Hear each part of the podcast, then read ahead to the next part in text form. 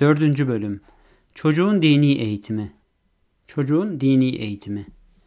Daha önce de açıkladığımız gibi Müslümanlıkta evlenmek çok ciddi bir konudur ve ciddiyeti ölçüsünde üzerinde durulmalıdır. Temelde anne baba aynı zamanda muallim ve muallime olma durumunda olduklarından eş namzetleri bu önemli misyonu eda edebilecek yaşa başa ulaşınca izdivaç düşünmelidir. İmam Cafer talebelerinden bir müddet evliliklerini tehir etmelerini ister. Ebu Hanife de talebesi İmam Ebu Yusuf'u bir süre için evlilikten men eder ve şöyle der. Öncelikle talim ve terbiye safhasını tamamlamalı ve evlilik yapacağın vakte kadar öğrenmen gereken ilimleri mutlaka öğrenmelisin. Aksi takdirde tahsil hayatın yarıda kalır. Ayrıca ailenin helal bir şekilde geçimini temin edebilmen için de bir işin olmalıdır. Böyle bir duruma gelince hayat çizgin daha bir belirginleşecektir. Evet Ebu Hanife o biricik talebesi ki Abbasiler döneminde Şeyhülislamlık payesine yükselmiştir, ona böyle nasihat ediyor. Bu iki zattan biri büyük dima, nazari hukukun banisi Ebu Hanife Hazretleri ki bizim mezhep imamımız, diğeri de Ehli Beyti Resulullah sallallahu aleyhi ve sellem'den gelen ayrı bir imam. Bizim bu anekdottan anlamamız gereken husus evlilik müessesesinin gayet ciddi bir müessese olduğudur. Bu itibarla evlenecek kimselere bakılmalıdır. Acaba bunlar bir muallim, bir mürebbi gibi çocuk yetiştirebilecek seviyeye gelmişler midir? Veya bir eşle hayatı paylaşabilecek yaşta başta görünüyorlar mı? Çocuklarımızı bizim düşünce dünyamıza göre hazırlama konusunda gerekli donanımları var mı? Namzetler bu sorularımıza evet diyebiliyor, kendilerinden de eminseler rahatlıkla böyle bir teşebbüste bulunabilirler. Ama namzetler kendilerini idareden aciz, 3-5 insanla bile müşterek noktalar bulup geçinemiyor, her gün bir huzursuzluk çıkarıyorlarsa evlenme ve çocuk yetiştirme adına henüz kıvama geldikleri söylenemez. Büyük Türkiye'nin geleceğine bir katkı ki bu her vatandaşın mefkuresi olmalıdır. İdeal fert ve ideal ailelerin mevcudiyetine vabestedir. Evet, böyle bir mefkureyi ancak Kabe kadar temiz kalbe, Everest tepesi gibi kâmetü kıymete sahip ve his yapısı Amudi Nurani gibi ta Sidretül Münteha'ya uzanan kimseler gerçekleştirebilirler.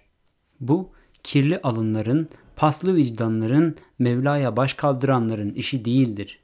İç ve dış bütünlüğüne ermiş, mamur ve münevver nesillerdir ki Allah'ın tevfik ve inayetiyle büyük Türkiye idealini gerçekleştireceklerdir. Resul-i Ekrem sallallahu aleyhi ve sellemin Habbab bin Eret'te söylediği üslupla söylemek istiyorum. Allah Celle Celaluhu bu işi lütfedecektir ama sizin de sebeplere riayet etmeniz gerekiyor. Alvarlı Efe Hazretlerine ait şu mısralar söylemek istediklerimizi gayet güzel ifade etmektedir. Sular gibi çağlasan, Eyüp gibi ağlasan, ciğergahı dağlasan ahvalini sormaz mı?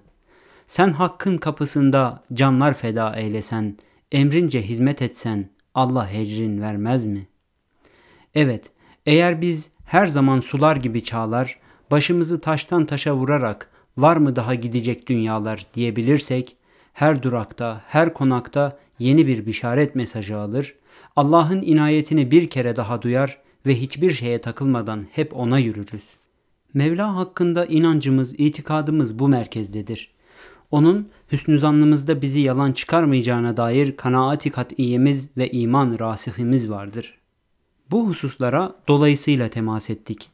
Esas belirtmek istediğimiz husus neslin terbiye alanlarını millet ruhuyla besleme meselesiydi.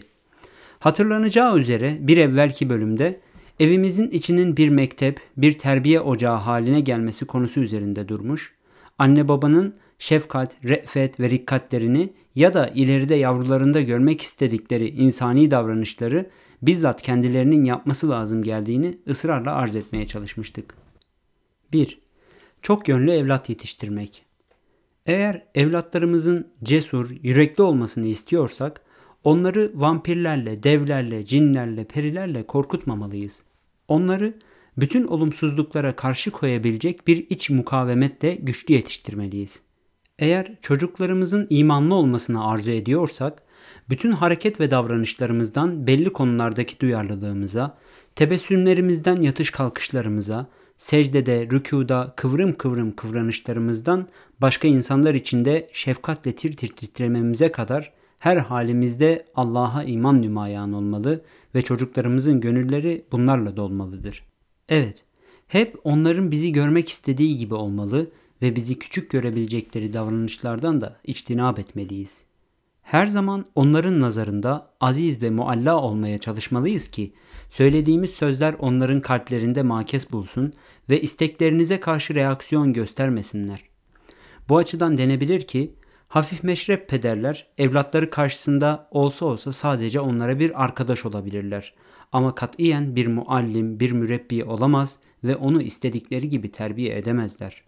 Hanelerimiz her zaman bir mektep, bir mabet, bir terbiyehane görünümünde olmalıdır ki onların hissiyatlarını, ruhlarını, kalplerini doyurarak onları cismani arzuların kulu köresi haline getirmiş olmayalım. 2. Küçükten camiye alıştırma. Devri saadette küçük olmalarına rağmen çocuklar her zaman camiye gidebilirlerdi. Ne acıdır ki günümüzde çocukları camiye götürmeyi cami adabına aykırı görüyoruz. Yine ne acıdır ki her camide çocuklara zebani gibi görünen bazı haşin yaşlılar bulunabiliyor ve o yavrucukları camiden ürkütebiliyorlar. Maalesef bazen dini bilgileri, dünya görüşleri ve düşünceleri oldukça dar olan yaşlı insanlar çocuklara yüzlerini ekşitmek, kaşlarını çatmakla caminin izzetini koruduklarını zannediyorlar. Halbuki onlar bu tavırlarıyla çocukları camiden ürkütüyor ve Resul-i Ekrem sallallahu aleyhi ve sellemin sünnetine aykırı bir davranış sergiliyorlar. Hz. Peygamber sallallahu aleyhi ve sellem camide safların tanzimi mevzuunda erkeklerin önde, onların arkasında varsa hünsalar, daha sonra çocuklar ve beşeri bir mülahazaya binaen onların arkasında da kadınların bulunmasını tavsiye etmektedir.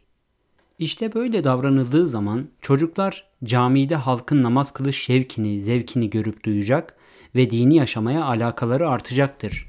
Bu itibarla değil onları kovmak, onlara sert görünmek, ürkütmek, kabil ise hediyeler verilmeli ve namaza ısındırılmalıdır. Çocuklara cami, caminin bahçesi sevdirilmeli ve her zaman onların duygularında mabedin kutsallığı canlı tutulmalıdır. Resul-i Ekrem sallallahu aleyhi ve sellem camide cemaatin içinde namaz kılarken torunu Hazreti Ümame'yi omzuna alır, eğilirken yere bırakır, kalkarken de yeniden omuzlarlardı. Bunu müktedabi, rehberi kül olan Resul-i Ekrem sallallahu aleyhi ve sellemin yapması, örnek olması bakımından çok önemlidir.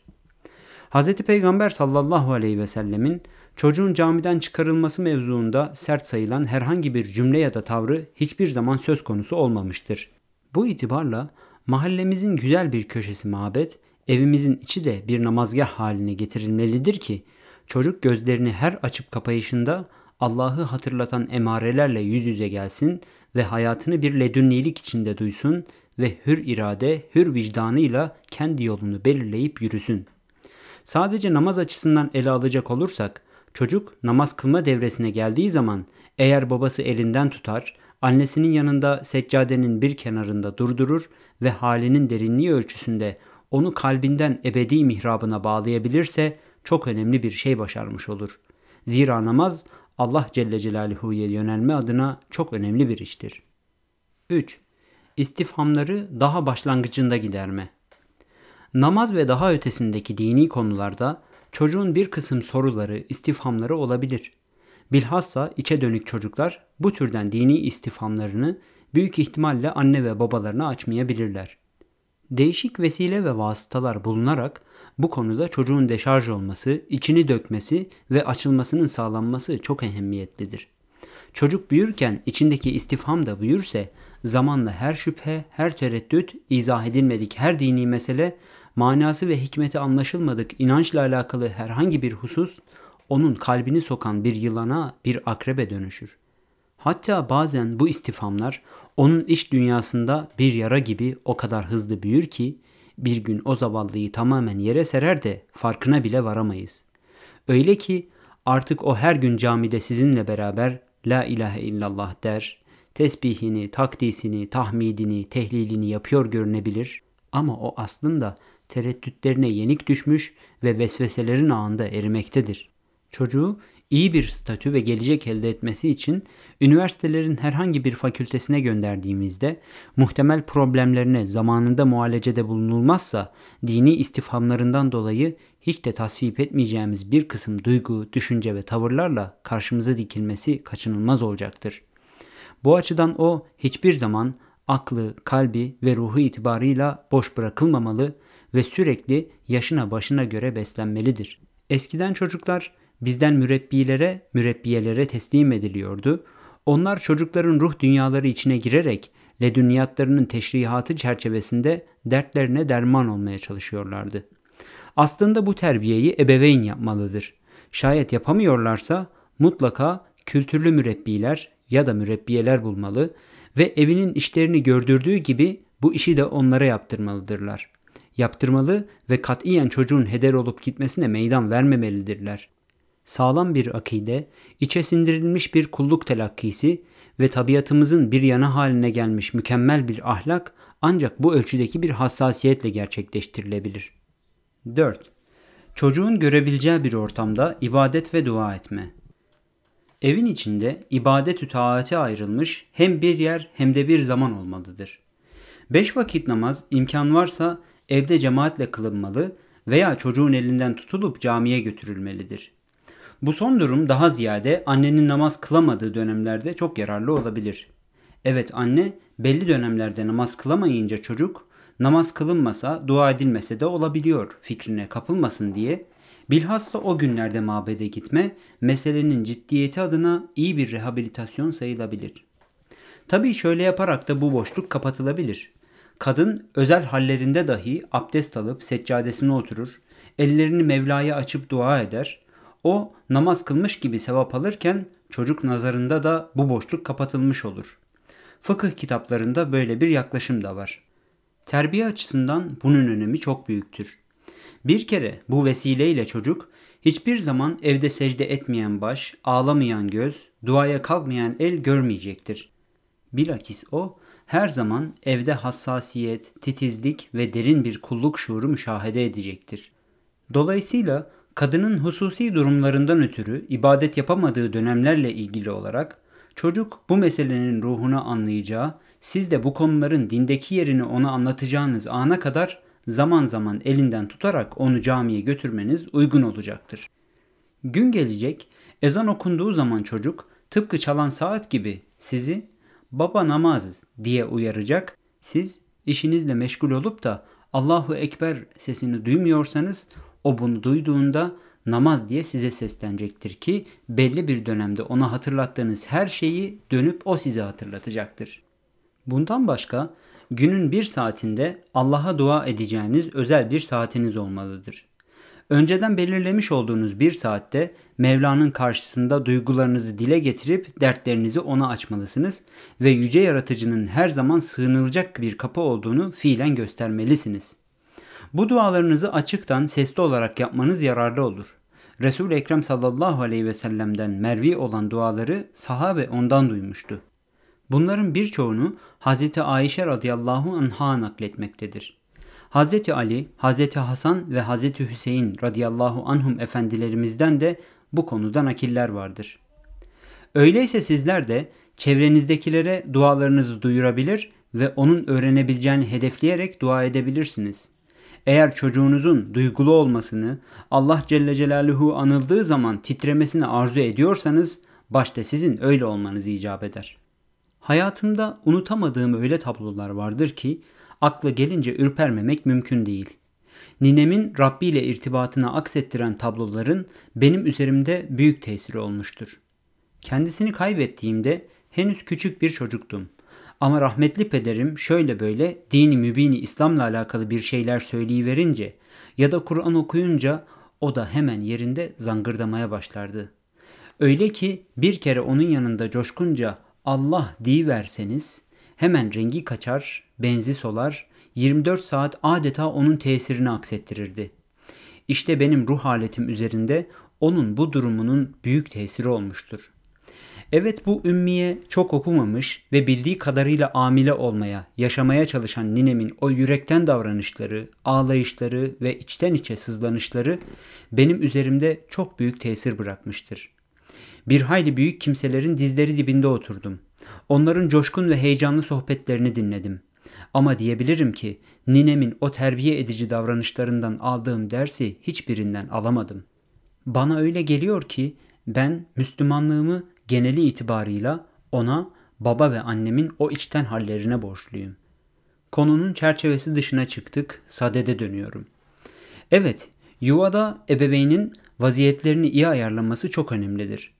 Yukarıda da bahsettiğimiz gibi belli bir saatte Mevla'nın karşısında içinizi döktüğünüzü, huzuruna geldim deyip inlediğinizi, coşup kendinizden geçtiğinizi, bilhassa çocukların yanında da Allah'a gönlünüzü açarak açıktan açığa ona dua ettiğinizi onların görüp duyması çok mühimdir. Onun en büyük meselelerinizden biri olan ahiretiniz için çırpındığınızı görmesi, onu düşünüp ümitle ağladığınızı bilmesi hiçbir zaman onun hatırından çıkmayacaktır. Aslında biz Mevla'nın karşısında Mevla'yı görüyor gibi kulluk yapmak zorundayız. Rükû, sücud, kıyam ve kavmemiz, celsemiz hep ona hatırlatıcı nitelikte olmalıdır. Allah'ın huzurundaki halimizi şöyle bir çerçevede resmedebiliriz. Sanki biz Allah'la yüz yüze gelmişiz, yüce yaratıcı, ey kulum kalk hayatının hesabını ver diyor, biz de rahmetini umarak ve büyüklüğü karşısında kalkıp el pençe divan duruyoruz, ululuğunu tam hissederek ve küçüklüğümüzü tam duyarak böyle bir kıyam bizim için de çevremiz için de ne uyarıcıdır. Zayıf bir hadiste Resul-i Ekrem sallallahu aleyhi ve sellem benim Allah'la bir anım vardır ki o anımda ne melaike-i mukarrabin ne de başkası bana yaklaşamaz buyurmaktadır. Evet Mevla ile öyle bir saatimiz, apaydın bir anımız olmalı ki çocuk müşahede ettiği tabloları mevsimi gelince kendi ibadetine malzeme yapsın. Evet o ileride fikri ameli inhiraf tehlikeleriyle her karşı karşıya kaldığında bu tablolar birer can simidi gibi onun imdadına yetişecek ve elinden tutacaktır. Bu hususu yadırgamayınız çünkü Yusuf suresinde Kur'an tabir caizse bize böyle psikolojik bir done veriyor.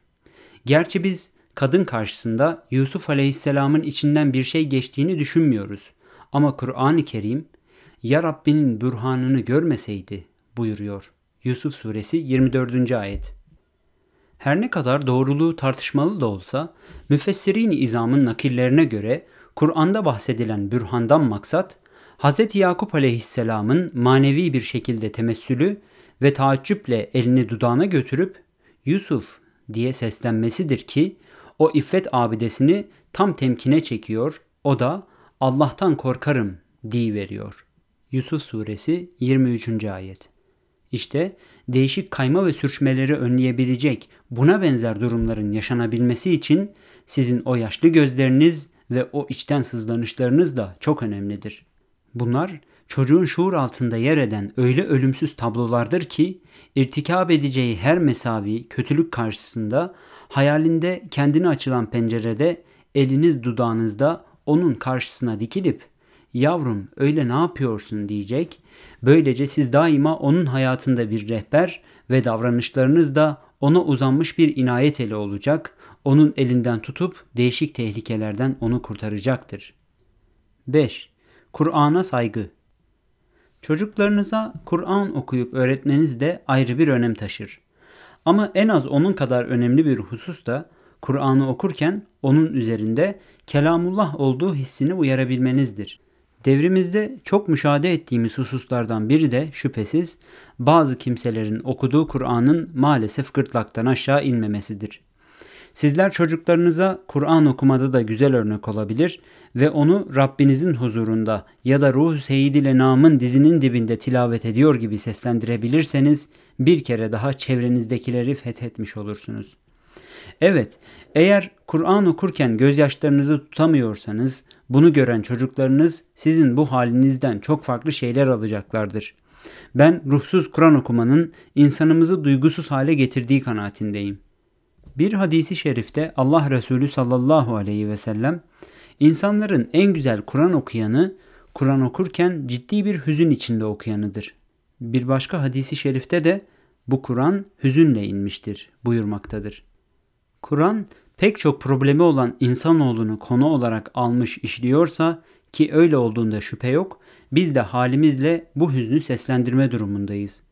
Ancak bu seviyeye gelebilmenin önemli esaslarından biri Kur'an'ın ne dediğinin bilinmesidir.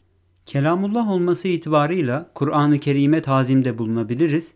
Ancak Allah'ın kelamı olması haysiyetiyle manasına vukufiyet için az da olsa bir gayret içinde bulunmamız da yine ona karşı tazimin ifadesi olsa gerek. Ayrıca sizin bu gayretinizle çocuğunuz Kur'an-ı Kerim'e ait manaları kalp ve zihninde daha derince duyacak, bunlarla dolacak ve seviyesine göre ruhi açlığını gidermiş olacaktır. Sadece Kur'an-ı Kerim'e ait anlamlarıyla yetinen dini anlayış ve duyuş itibarıyla eksik sayılır. Bu kadar olsun münasebeti olmayanlara gelince onlar tamamen hüsrandadırlar. Kur'an'ın insanlara vaat ettiklerini alabilmek için elfazı Kur'aniyenin içindeki o mukaddes manaları öğrenmek ve çocuklarımıza da öğretmek zaruretini bir kere daha hatırlatmakta fayda var.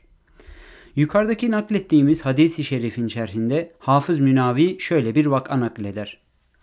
Küçük bir çocuk hafızlığını ikmal etmiştir. Sabaha kadar Kur'an-ı Kerim'i hatmediyor, namazını kılıyor, ertesi günde hocasının karşısına çıkıyor. Çıkıyor ama biraz da rengi benzi sararmış olarak çıkıyor. Hocası maddi manevi mürşit olabilecek durumda bir üstattır. Talebesinin renginin niçin sarardığını diğer talebelerine soruyor. Onlar da Üstadım bu talebeniz sabaha kadar Kur'an-ı Kerim'i hatmedip duruyor ve tabii sabaha kadar gözüne uyku girmiyor. Sabah olunca da kalkıp derse geliyor derler. Üstad talebesinin Kur'an-ı Kerim'i böyle okumasını arzu etmediği için onu karşısına alır ve ona Kur'an indiği gibi okunmalıdır evladım der.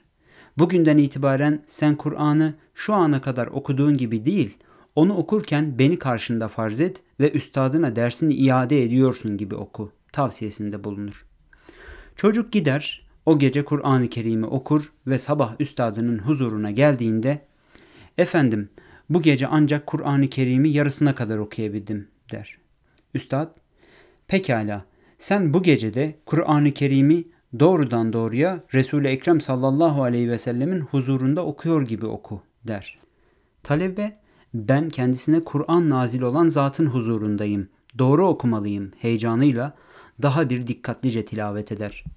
Ve o gün üstadına ancak Kur'an-ı Kerim'in dörtte birini okuyabildiğini belirtir. Üstadı da terakkiyi görünce bir mürşidin müridinin dersini artırması gibi sen şimdi de o emin melek Cibril'in Resul-i Ekrem sallallahu aleyhi ve selleme tebliğ ettiği anda dinliyor gibi Kur'an-ı Kerim'i oku der. Talebe gider gelir, vallahi üstadım bugün ancak bir sure okuyabildim der. Üstadı da Evladım, şimdi de onu binlerce hicabın verasında bulunan Mevla-i Müteal'in huzurunda okuyor gibi oku. Düşün ki okuduğunu Allah Celle Celaluhu dinliyor, senin için indirdiği kelamını senin ile mukabele ediyor. Talebesi ertesi gün ağlayarak üstadının karşısına gelir. Üstadım, Elhamdülillahi Rabbil Alemin dedim. Maliki yevmiddine kadar geldim. İyyâke na'budu demeye bir türlü dilim varmadı. Çünkü bunun manası sadece sana kulluk yaparım. Halbuki ben o kadar çok şeye kulluk yapıyorum ve o kadar çok şey karşısında serfuru ediyorum ki onu karşımda hazır ve nazır mülahazaya alınca İyyâke na'budu'yu açamadım der. Hafız Münavi bu gencin fazla yaşamadığını bir iki gün sonra da vefat ettiğini kaydeder. Onu bu seviyeye getiren o bilge ve mana eri üstad gencin mezarının başında durur, onu dinler, onun haline bakar, ahvalini müşahede ederken delikanlı üstadının duyabileceği bir sesle "Üstadım, tayyim denen önemli bir makama ulaştım ve hesap görmedim." diye konuşur. Kur'an-ı Kerim'in manasını mülahaza ederek ve kelimeler üzerinde durarak Rabbimin kelamı deyip tazimde bulunarak hatta yüzüne gözüne sürerek ona karşı saygısını ifade çerçevesinde okumak onun gönüllere açılması adına o kadar önemlidir ki bu samimi duygular okuyanı da dinleyeni de Kur'an iklimine çeker ve onlara semaviliğin kapılarını ardına kadar açar. Bu menkıbeyi nakletmekle böyle düşünmezseniz Kur'an okumayınız demek istemiyoruz. İstemiyoruz ama kelimat-ı Kur'an bize ne anlatıyor? Ruhumuzda ne gibi bir değişiklik hasıl ediyor ve benzeri hususlar üzerinde durmamızın da ona muhatap seçilmemizin gereği olduğunu düşünüyorum.'' Ruhlarımızda inkılaplar meydana getirmeyen Kur'an'ın ferdi ve içtimai hayatımızda müessir olacağı düşünülemez. Biz Kur'an'la değişebilmeli, onun ufkuna yönelmeli, onu kendi derinlikleriyle duymalıyız ki o da esrarını gönül gözlerimizin önüne seri versin. Konuya dönüyorum. Evet o genç ölmemiş, Allah Celle Celaluhu'ya ulaşmıştı. Kur'an'ın temiz ruhlarda uyarabildiği heyecanla kalbi durmuş ve Rabbine yürümüştü. O, İyyâke na'budu'yu aşamamış ve sabaha kadar hep onu tekrarlayıp durmuştu. Bir başkası da benzer bir ruh haletini Kabe'de hissetmişti. Başını Kabe'nin duvarına koyduğunda kendi kendine ''Ya Rabbi'' demiş, adeta diline kilit vurulmuş gibi tıkanmış ve ''Sen bunu diyebilecek güçte misin? Neden hala riyakarlık yapıyorsun?'' düşüncesine takılmış ve gerisini getirememişti. Ma mafih bunlar o zatın yaşadıklarıdır ki ne anlatılabilir ne de başkalarına hissettirilebilir türden şeylerdir. Onun birkaç dakikalık aşkın duygularıdır. Daha sonra kendisinin bile o durumu şerh etmesi mümkün değildir. Şimdi eğer evlerimizde bu çizgiyi koruyabilir ve Kur'an'a gönül verdiğimizi, Resul-i Ekrem sallallahu aleyhi ve sellemin halkasına dahil olduğumuzu fiilen gösterebilirsek, uzak yakın çevremiz Nisan yağmuru almış yeşillikler gibi süratle hayata yürüyecek ve etrafımızda üst üste basübadel mevtler yaşanacak ve toplum hayatımız melekler ve ruhanilerin imreneceği bir hal alacaktır.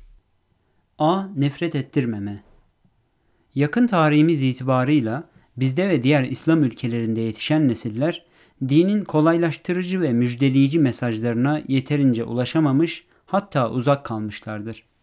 Hadise selim bir kalp, sahih bir akılla incelendiğinde bunun sebebinin mana konusundaki bilinçsizlik ve gayretsizlik olduğu görülür. Bu dönemde müminler Allah'a iman ettik demekle beraber bu kelimenin ifade ettiği mananın şuurunda olamamış, dış alemle iç dünya arasındaki koordineyi sağlayamamış ve dine, diyanete ait olguları vicdani enginlikleriyle anlayamamışlardı.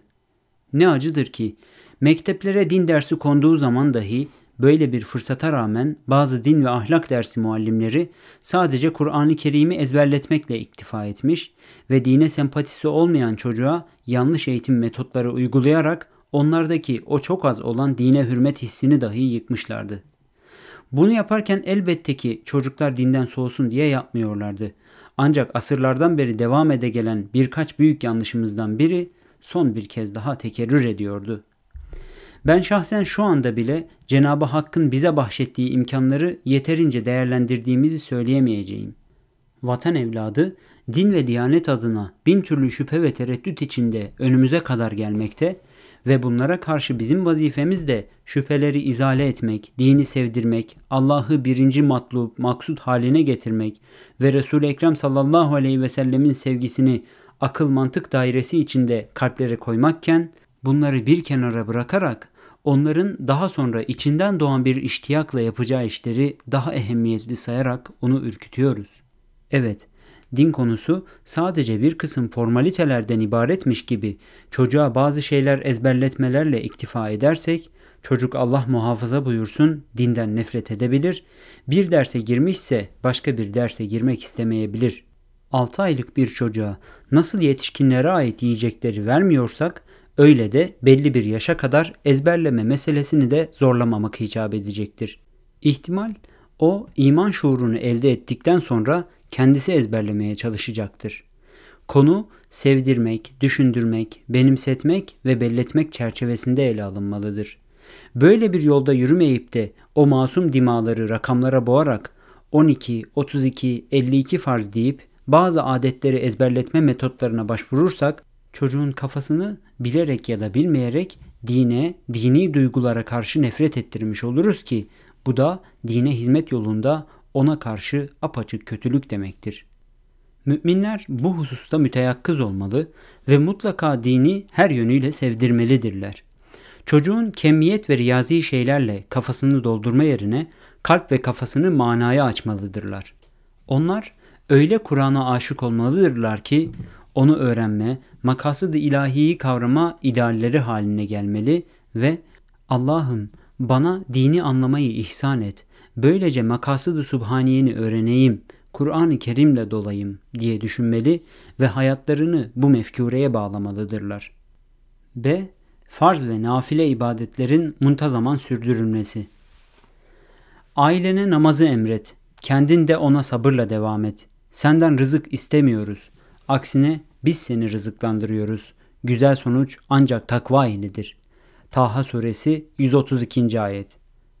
Hangi şartlar altında olursa olsun anne baba dini vazifelerinde kusurda bulunmamalıdırlar ve çocuk kullukla alakalı hususlarda hiçbir eksiklik müşahede etmemelidir. Kainatın efendisi sallallahu aleyhi ve sellemin hiç terk etmediği teheccüd namazı, hususi evradu ezkarı, gece kalktığında okuduğu hususi duaları vardı. O, bu evrat ve ezkarı vaktinde ifa etmediği zaman kazası gerekmediği halde adeta kaza ederdi. Böylece evin içinde ve dışında başlatılan bir ibadetin hiçbir şekilde terk edilmediği gayet net olarak ortaya konmuş olurdu. Sahabi başlatılan bir ibadetin daha sonraları da devam ettirilmesi gerektiğini çok iyi anlamıştı. O dönemin abid ve zahitlerinden sayılan Abdullah İbni Amr İbni As her gün oruç tutmak ve sabaha kadar namaz kılmak istiyordu. Dahası babası evlendirdiği zaman günlerce hanımının yanına gitmemişti. Bu durumu hanımı kayınpederi vasıtasıyla aleyhissalatu vesselama şikayet mahiyetinde intikal ettirince Abdullah İbni Amr İbni As Allah Resulü sallallahu aleyhi ve sellemin huzuruna gitme mecburiyetinde kalmış ve Peygamber Efendimiz sallallahu aleyhi ve sellem hanımının yanına gitmediğinden ötürü ona itapta bulunmuştu. O gün Allah Resulü sallallahu aleyhi ve sellem ondan farzların dışındaki ibadetlerini azaltmasını istiyor.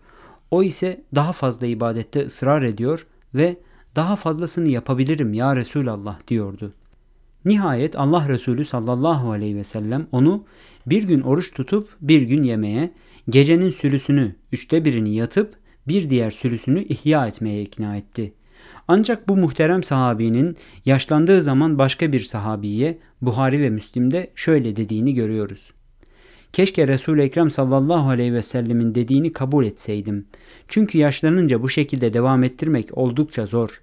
Ama yine de nafile olarak yaptığım şeyleri aksatmak istemiyorum.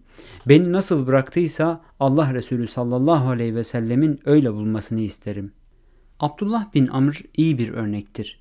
İnsan itiyat haline getirdiği ibadetleri terk etmemelidir.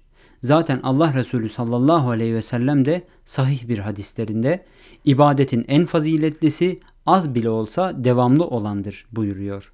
Şayet gücümüz yetmiyorsa belli bir süre sonra çocuğun gözünden düşmemek için farzların dışında yapabileceğimiz miktarla iktifa etmeliyiz. Sadece farzları, sünnetleri yapabiliyorsak onlarda kusur etmemeliyiz. Şayet teheccüde başlamışsak onu mutlaka devam ettirmeliyiz. Vitri vacibi çocuğun gözü önünde kılmak icap ediyorsa öyle yapmalı. Gece kalkıp kılınması müessir olacaksa gece eda edilmeli. Evvabin, işrak ve duha namazlarını kılıyorsak aksatmamalıyız. Aksatmamalıyız ki çocuk yapılan bu şeyler bazen de terk edilebiliyor zehabına kapılmasın. Böylece ibadetlerdeki ciddiyet onun benliğine mal olsun, mal olsun da sizin o konudaki kusurlarınızdan dolayı sizi ikaz etsin. Evet, işrakı kılıyor, duhayı terk ediyorsun babacığım diyebilmelidir. Ayrıca yapılan ibadetler ciddi bir huşu ve olabildiğine bir saygı içinde yerine getirilmelidir. Getirilmelidir ki çocuğun şuur altı bu olumlu şeylerle mamur hale gelsin. Buraya kadar belirtmeye çalıştığımız hususlar bizim gibi düşünenler içindir. Evet eğer çocuklarımızın duygulu, hisli, dindar, şuurlu, akıllı olmasını ve İslam'ı öğrenmelerini arzu ediyorsak bizce bu işin yolu budur. Her şeye kendi yoluyla ulaşılır. Böyle yürünürse netice elde edilir. Değişik bir ifadeyle çocuğun doğru yolda bulunmasını ve bir yaşama yöntemi olmasını arzu ediyorsak bizim de bir yolumuz, yöntemimiz olmalıdır.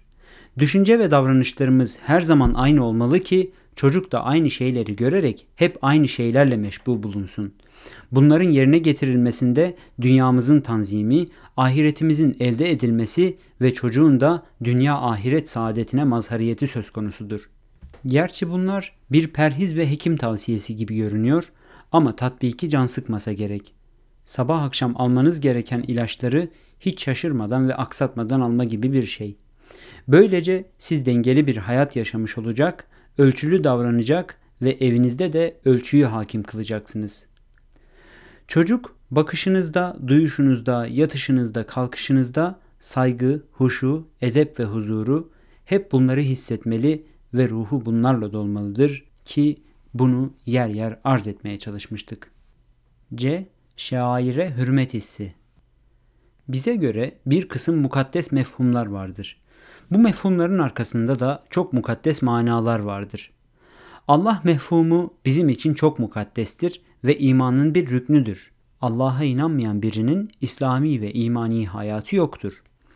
Bu yüce ve yüceliği nispetinde de olabildiğine mukaddes mefhumun belli bir yaştan itibaren ki bu devrenin başlangıcı genelde 7-9 yaş olarak düşünülür, dimalarda yerleşmesini, gönüllerde oturmasını ve çocuğun bütün hayal alemini işgal etmesini temin etmekle mükellef bulunduğumuz katiyen unutulmamalıdır. Çocuğun Peygamber sallallahu aleyhi ve sellemin hayaliyle yaşamasını temin etmek, o evde sürekli ondan bahisler açılmasına bağlıdır. Şayet bir evde sadece televizyon, sinema artistlerinden bahsediliyorsa ve çocuğun temaşa ufkunda her zaman televizyonlar, sinemalar bulunuyorsa onun hayaline hakim olan da bir kısım artistler olacaktır. Sorduğunuz anda size pek çok sporcu, müzisyen ve artist ismi sayabilecek ama belki de dört sahabi ismi söyleyemeyecektir. Hafıza ve şuur altı bütün kapasitesiyle çok faydası olmamakla beraber hayalin fıskına sebebiyet veren bu gereksiz şeylerle male male olacaktır. Dinde mukaddes bilinen her şey düşünce ve davranışlarımızda daima mukaddes olarak ifade edilmelidir.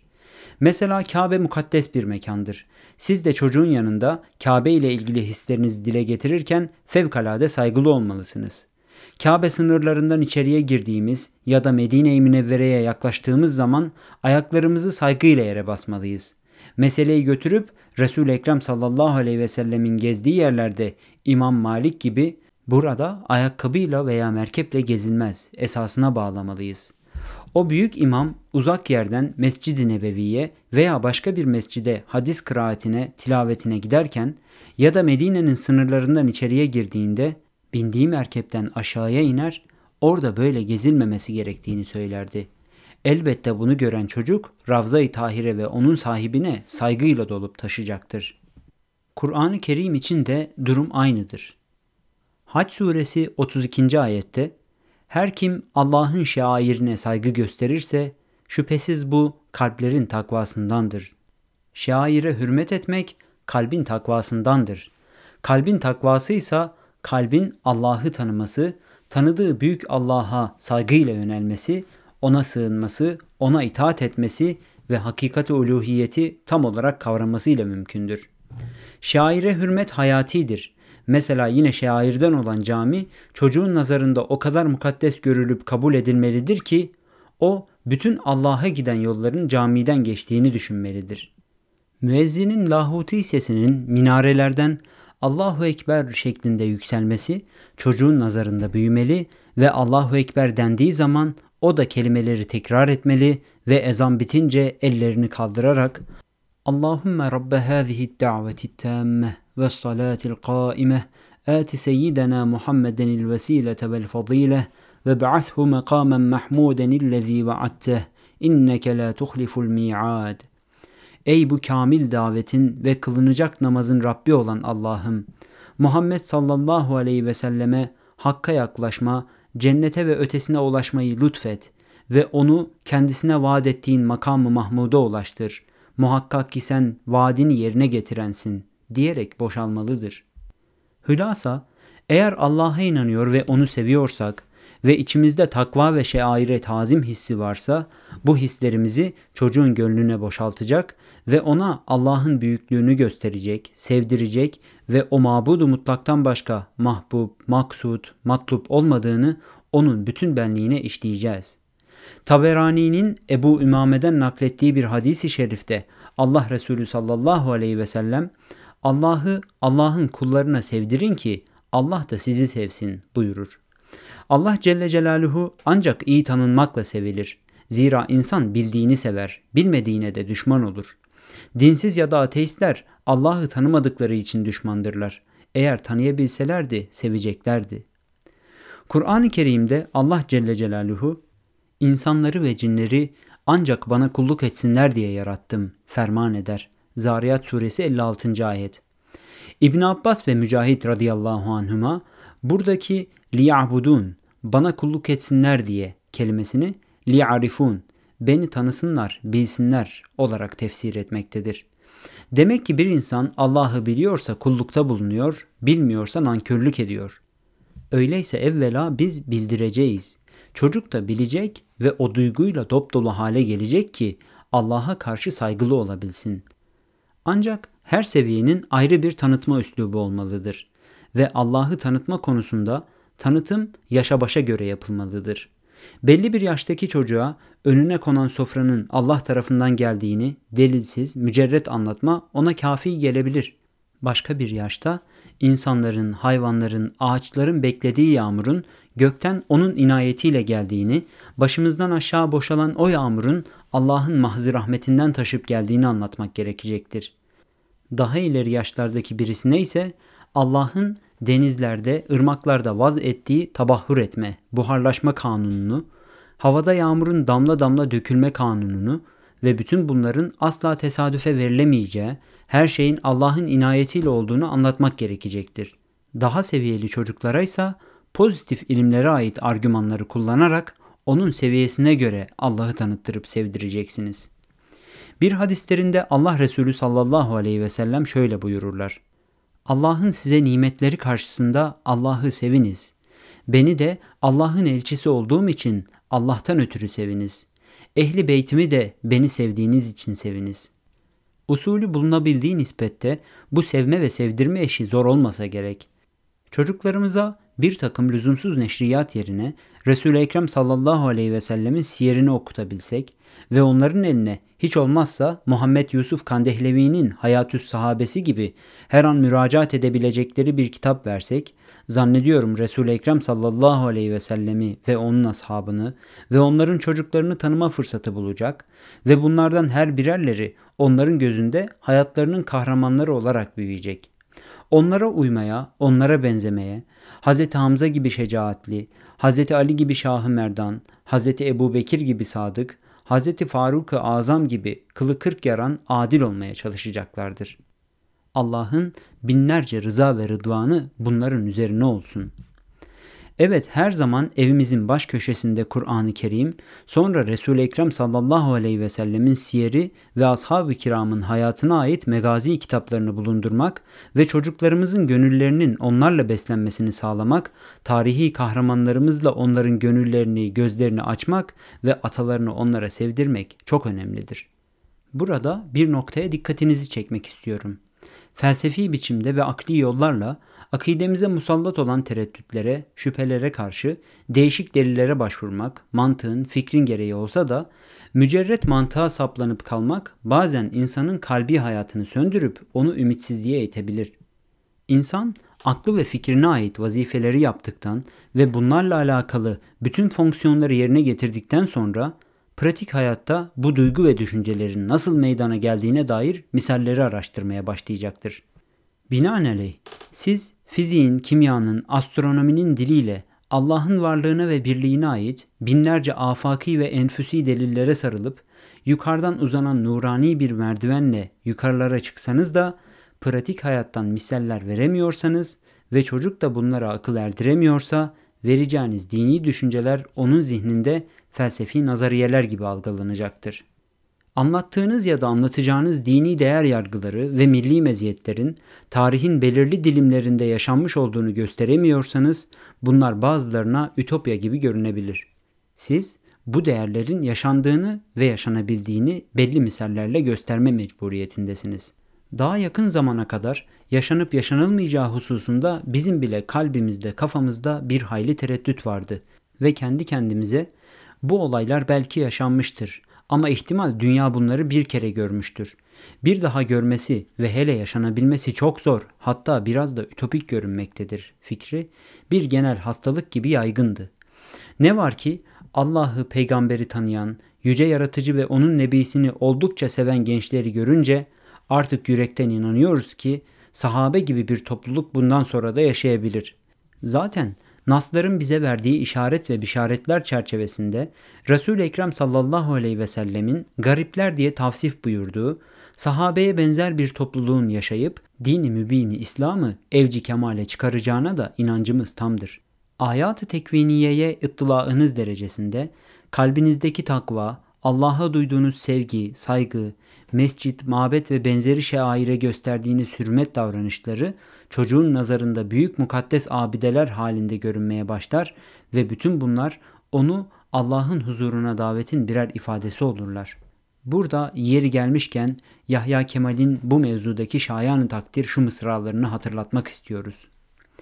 Emri bülentsin ey ezanı Muhammedi, kafi değil sadana cihanı Muhammedi, Sultan Selim'i evveli rahmetmeyi pecel, fethetmeliydi alemi şanı Muhammedi. Gök nura gark olur nice yüz bin minareden, şehbal açınca ruhu revani Muhammedi. Ervah cümleten görür Allahu Ekberi, akseyleyince arşa lisan-ı Muhammedi. Ezan, Müslümanlığın ulvi duygularının en önemli bir sembolü ve namaz öncesi bir konsantrasyon vesilesidir. Aynı zamanda namazın Allah'a karşı bir kulluk olarak büyüklüğünün ifadesi, onun çağrısı ve davetidir. Siz çocuklarınızı bu duygularla dop dolu yetiştirirseniz, onlar da ezanı duydukları zaman heyecanlanırlar. Gözleri dolar, hisleri köpürür, mehabetle, muhabbetle tir tir titremeye başlarlar. Şimdi aba ve ecdadımızın bize onlardan evvelkilerin de onlara yaptıkları gibi bu vazifeyi inşallahu teala bunca sarsıntı ve teklemeye rağmen yine hep beraber ihya ve ikame edeceğiz. Evet, şairi ilan edecek, onu gelecek neslin nazarında kendi kıymetiyle gösterecek, Allah'ı, Resulünü ve Kur'an-ı Mucizül Beyanı herkese sevdireceğiz. Sonuç olarak şunu söyleyebiliriz. Evlerimizde ibadet hayatımız arızasız olarak yerine getirilmeli. Dinle, diyanetle alakalı çocuklarımızın kafasına sokulan şüphe ve tereddütler vakit fevt etmeden izale edilmeli, evimizin içinde Allah'a tekarrübün yaşandığı, rahmeti ilahiyenin sağanak sağanak başımıza indiği, gözlerimizin tatlı ümitlerle dolup reca içinde Allah'a yöneldiği ve sinelerimizin hüzünle dolup taştığı değişik bir kısım saatler olmalıdır. Öyle bir saat olmalı ki o saatte evimizde Resul-i Ekrem sallallahu aleyhi ve sellem görünüyor gibi tasavvuru ve tasviriyle çocuğun hanımefendinin nazarında şöyle böyle mutlaka kendini göstermelidir. İşte bunlar sizin İslami ibadet ve akide hayatınızda çocuğunuza kazandırdığınız öyle büyük ve kıymetli şeylerdir ki ilerideki hayatında o birer birer bunların semerelerini görecek, duyacak ve size karşı minnettar olarak dua edecektir. Şairi tazim, zatında büyük olan, dinin büyük kabul ettiği ve sizin de büyük gördüğünüz değer ve kıymetleri kavlen ve fiilen büyük göstermek demektir. Onların nazarında ancak ezanla anlatılabilen o ulular ulusu, büyükler büyüğü, Allahu Ekber hakikatiyle şehbal açacak, ruh dünyalarında bayrak gibi dalgalanacak, kalplerini tül gibi saracak, siz de bu mazhariyetler karşısında dönüp talihlerinize tebessümler yağdıracaksınız.''